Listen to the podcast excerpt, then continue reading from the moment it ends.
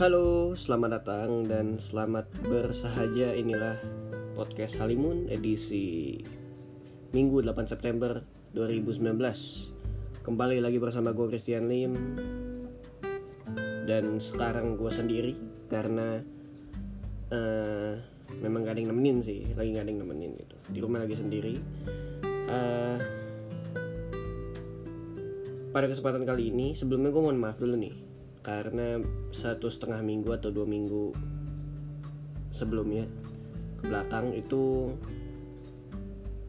gue belum sempat update podcast karena banyak hal yang harus dikerjakan yang berhubungan dengan kuliah dengan uh, urusan personal juga gitu.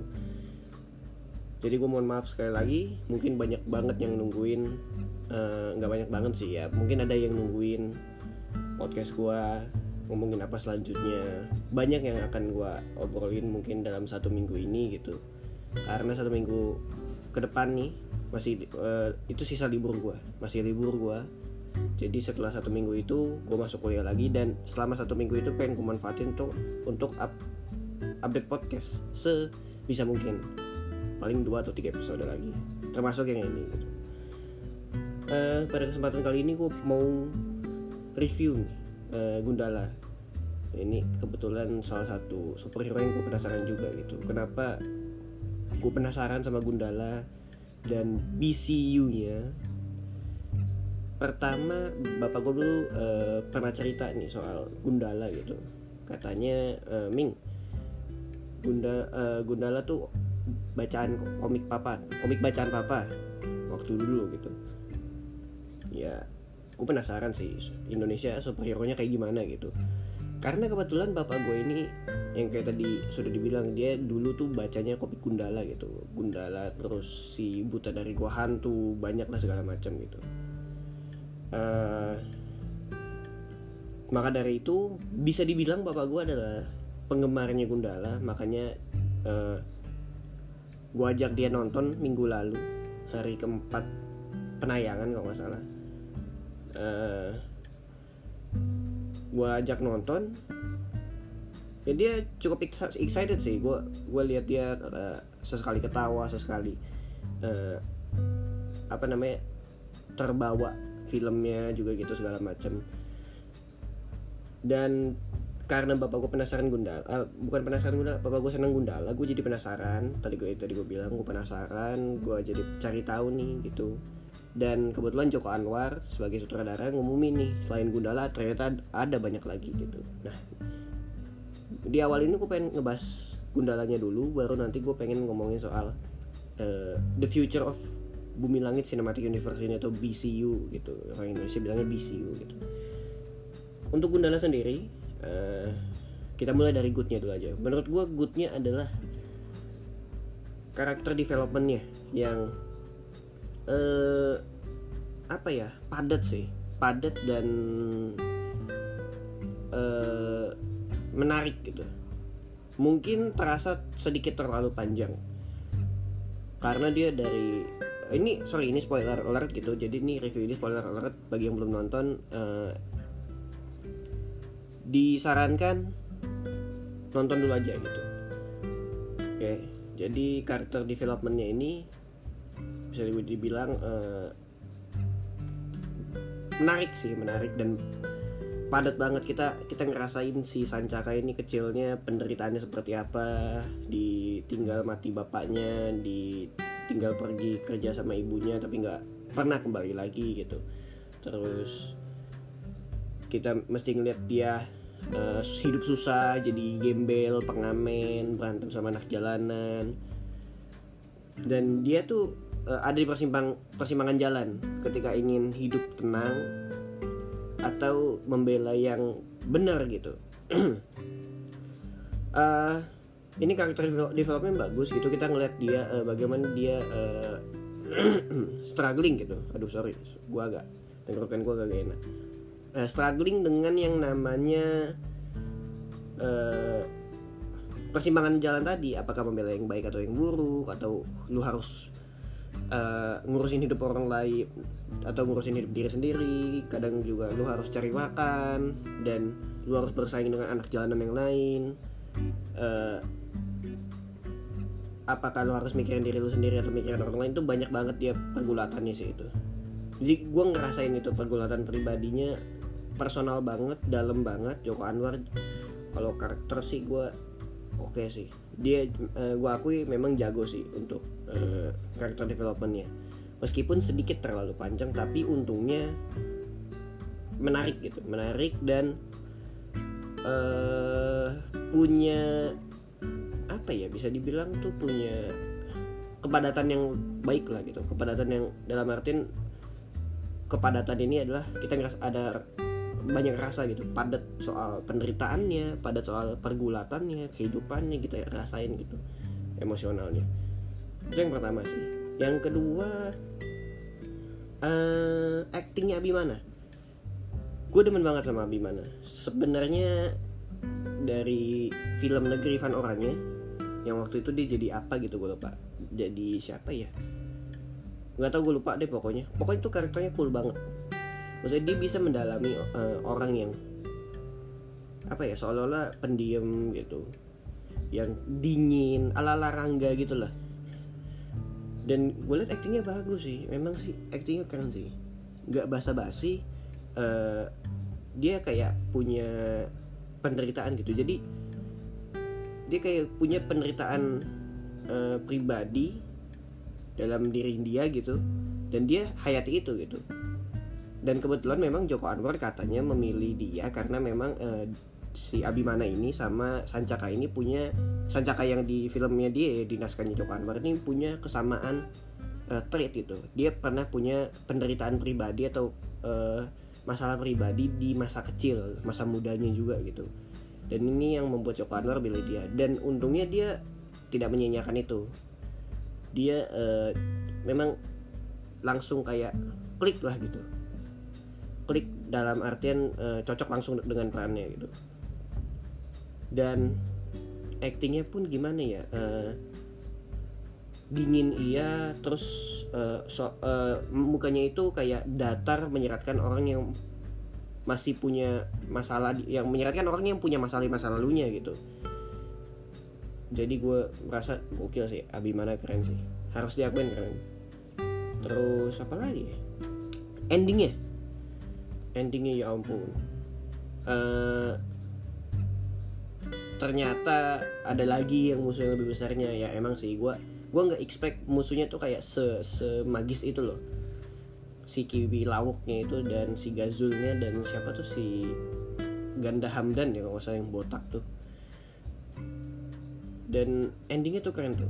Dark banget. Nah ini nanti gue mau ngomongin tone nih uh, pokoknya endingnya dark terus uh, dialognya bikin merinding dialog bahasa Jawa itu bahasa ngomong-ngomong itu bahasa Jawa. Kalau gue baca di artikel itu bahasa Jawa kuno yang kalau nggak salah ya hampir punah katanya.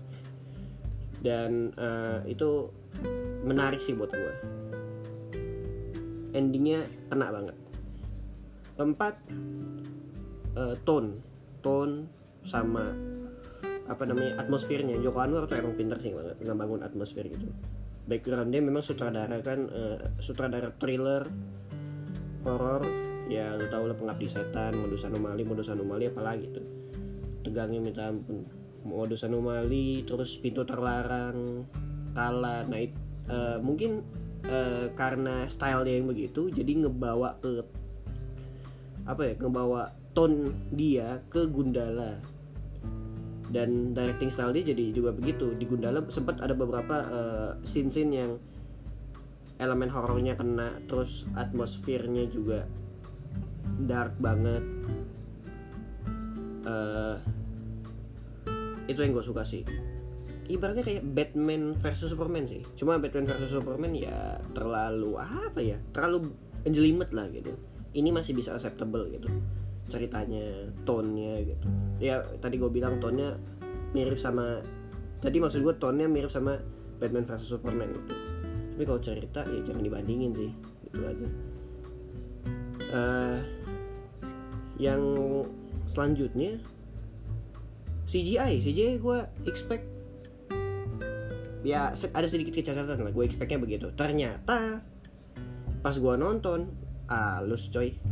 Halus banget mulus.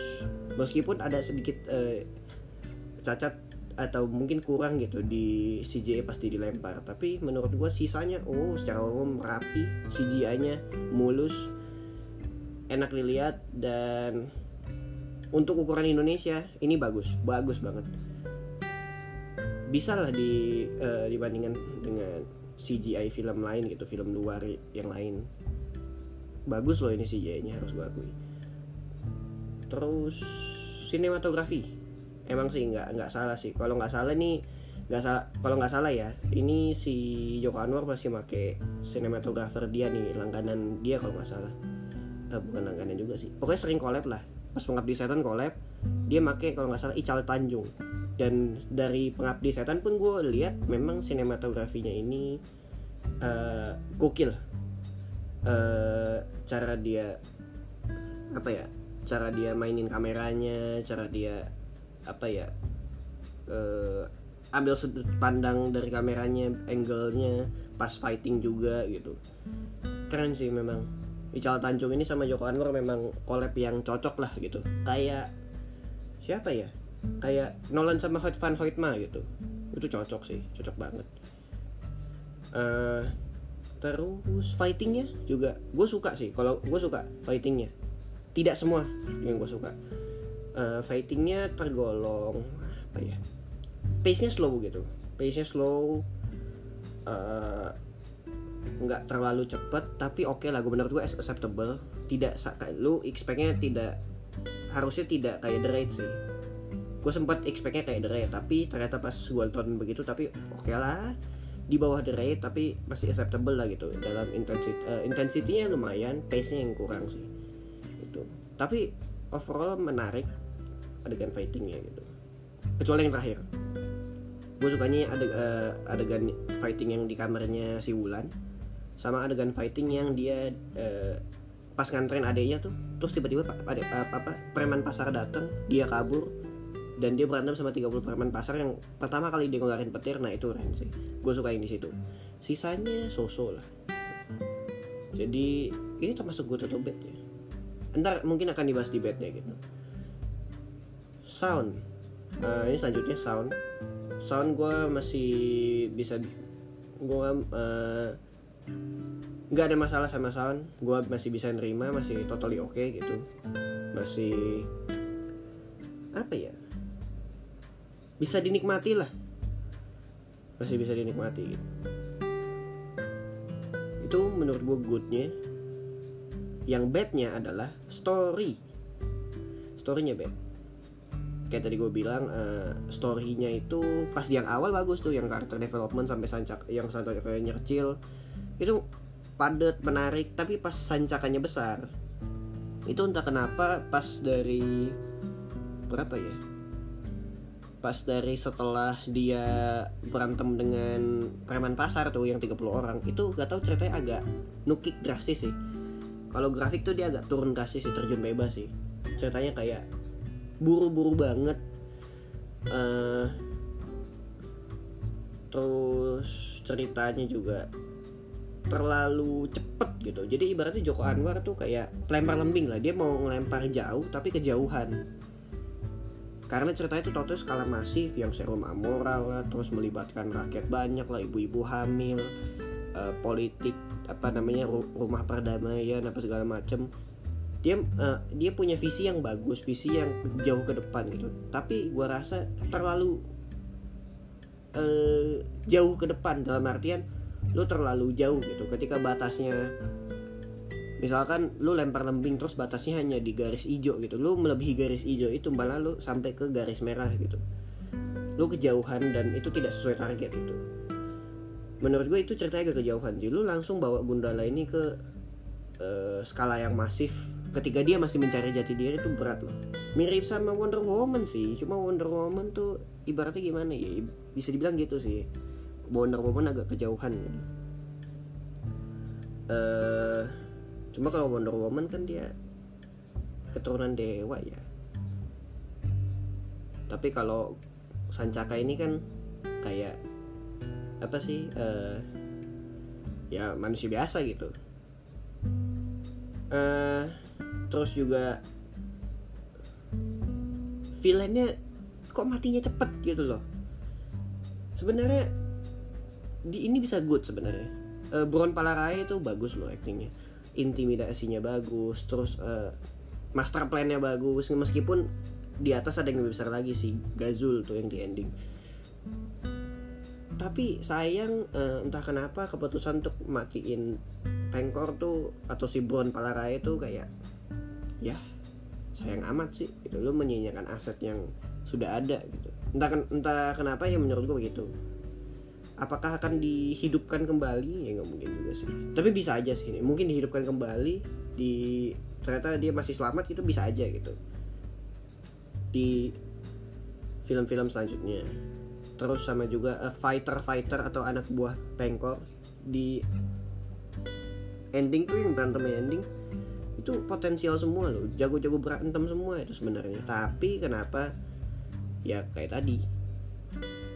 Useless aja gitu. Lu menyanyikan berapa tuh? Tujuh fighter gitu tujuh anak buah pengkor loh. Dia punya ciri masing-masing dan lu buang itu semua hanya uh, di satu film dan itu pun film awal gitu apakah nanti sebenarnya mereka uh, hidup masih hidup atau mereka ternyata sudah mati beberapa? Nggak tahu juga sih mungkin bisa dilihat di film selanjutnya gitu. Tapi sayang aja sih.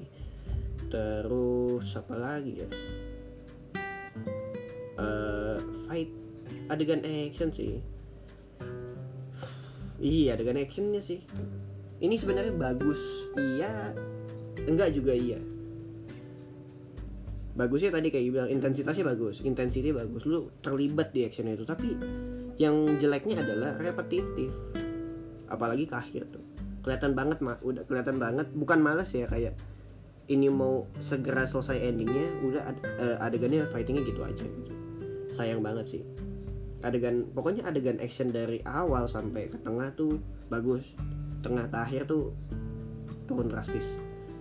Ada good ada badnya sih ini uh, pace nya bisa dipercepat karena pace nya tadi yang kayak tadi gue bilang slow. Meskipun intensitasnya bagus pace nya dipercepat terus koreografinya udah bagus uh, bisa aja di tingkatkan lah ke kompleksitasannya gitu. Ke rumit tingkat kompleksitasnya kerumitannya bisa ditingkatkan. Jadi lebih bervariat bervariasi aja sih gitu jadi lebih variatif. E, menurut gua overall e, oh iya sama ini apa? Pagung nah ini karakter yang wasteless tadi gitu. Waste bukan wasteless sih bukan. Apa ya bahasanya? Pokoknya disia-siakan lah gitu. Gue gak gue susah nemu kata-kata yang tepat sih. Pokoknya disia-siakan aja gitu. Jadi dan menurut gue ini uh, sayang ketika lu bisa menghadirkan sosok yang ibaratnya bisa jadi mentor buat psikologis dan psikologi psikologis dan kehidupannya si Sancaka atau Gundala ini gitu. Bisa ngelucu bisa ngasih nasihat bisa bisa uh, apa namanya bisa jadi temen ngobrol juga.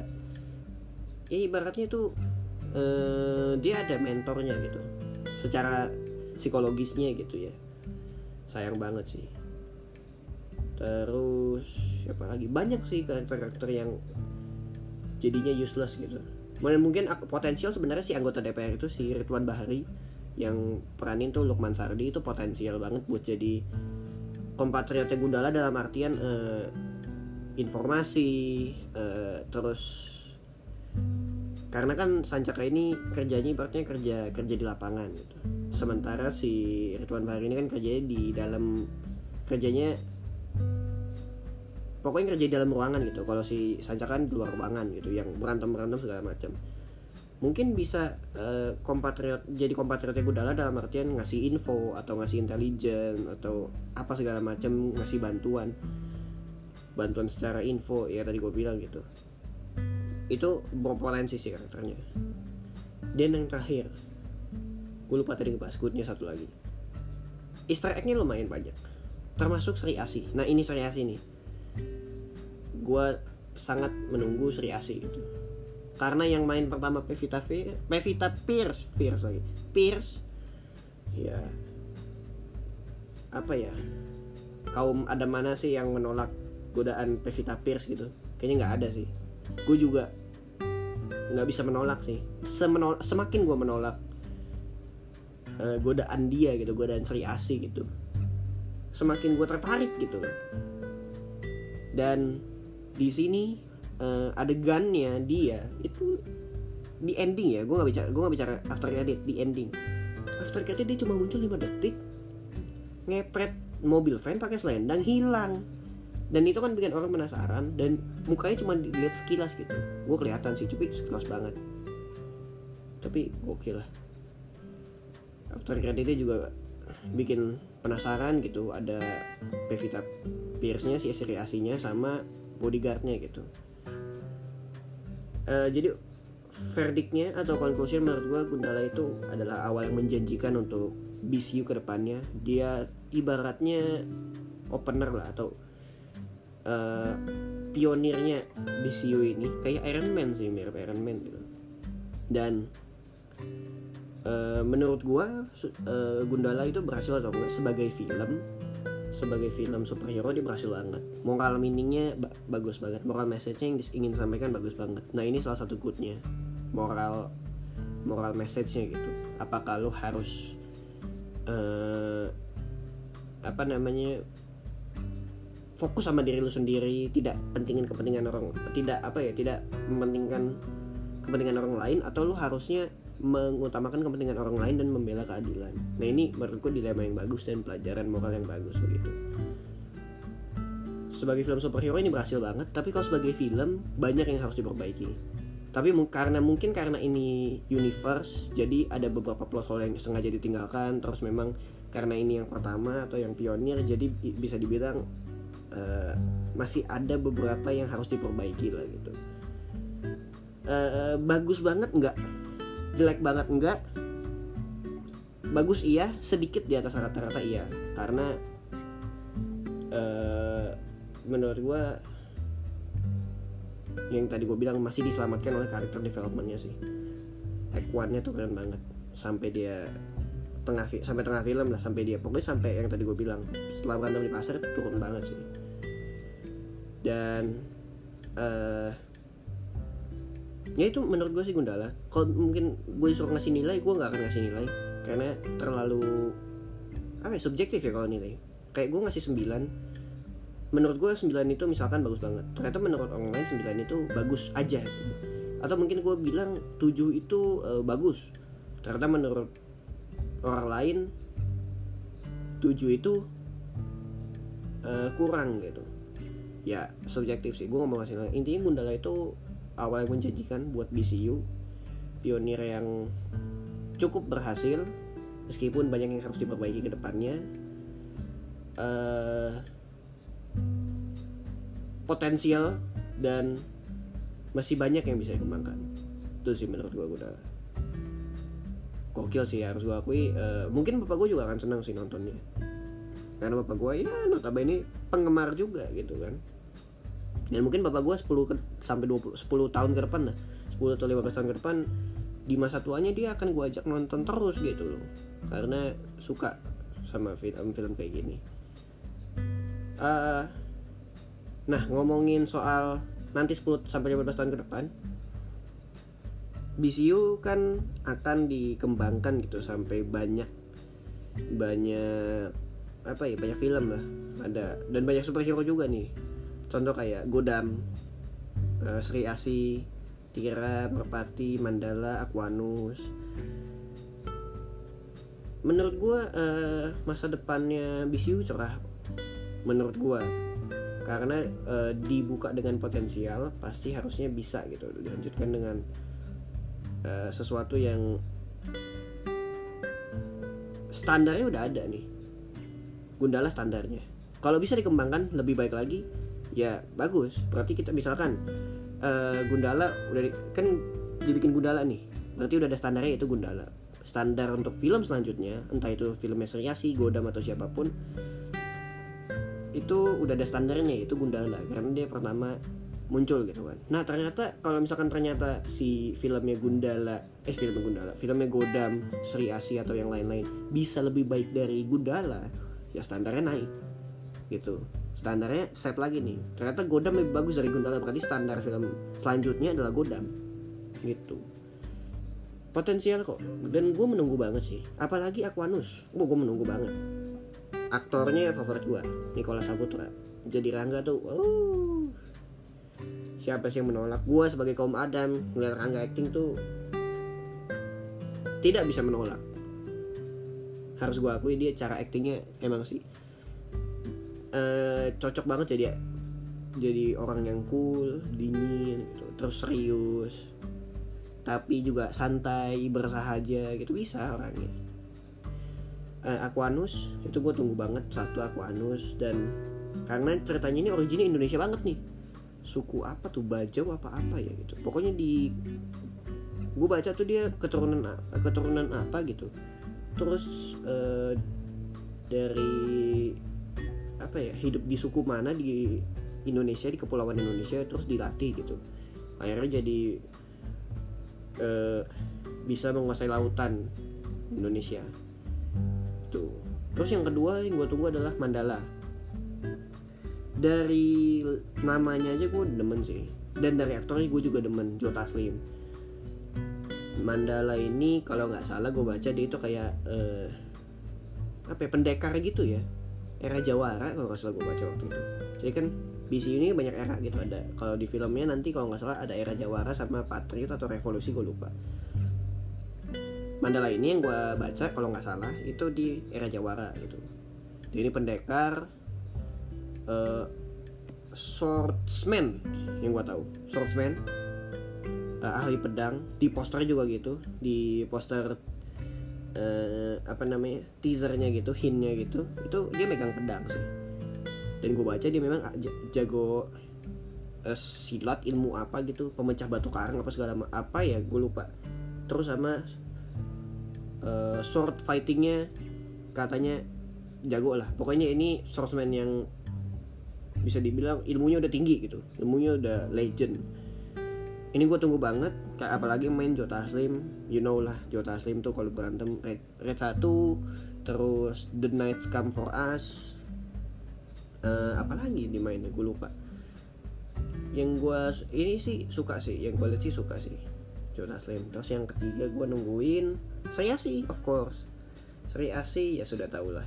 Katanya sih katanya dia salah satu superhero paling kuat di BCU katanya. BCU apa di bumi langit gitu di komik gue lupa kekuatannya ilmu silat kalau nggak salah ya. Bisa uh, ilmu apalagi tuh gue lupa bahasa bahasa Jawa kalau salah nama ilmunya bahasa Jawa gitu gue lupa tapi ilmu ini dia bisa merubah diri jadi raksasa gitu dan menggandakan diri.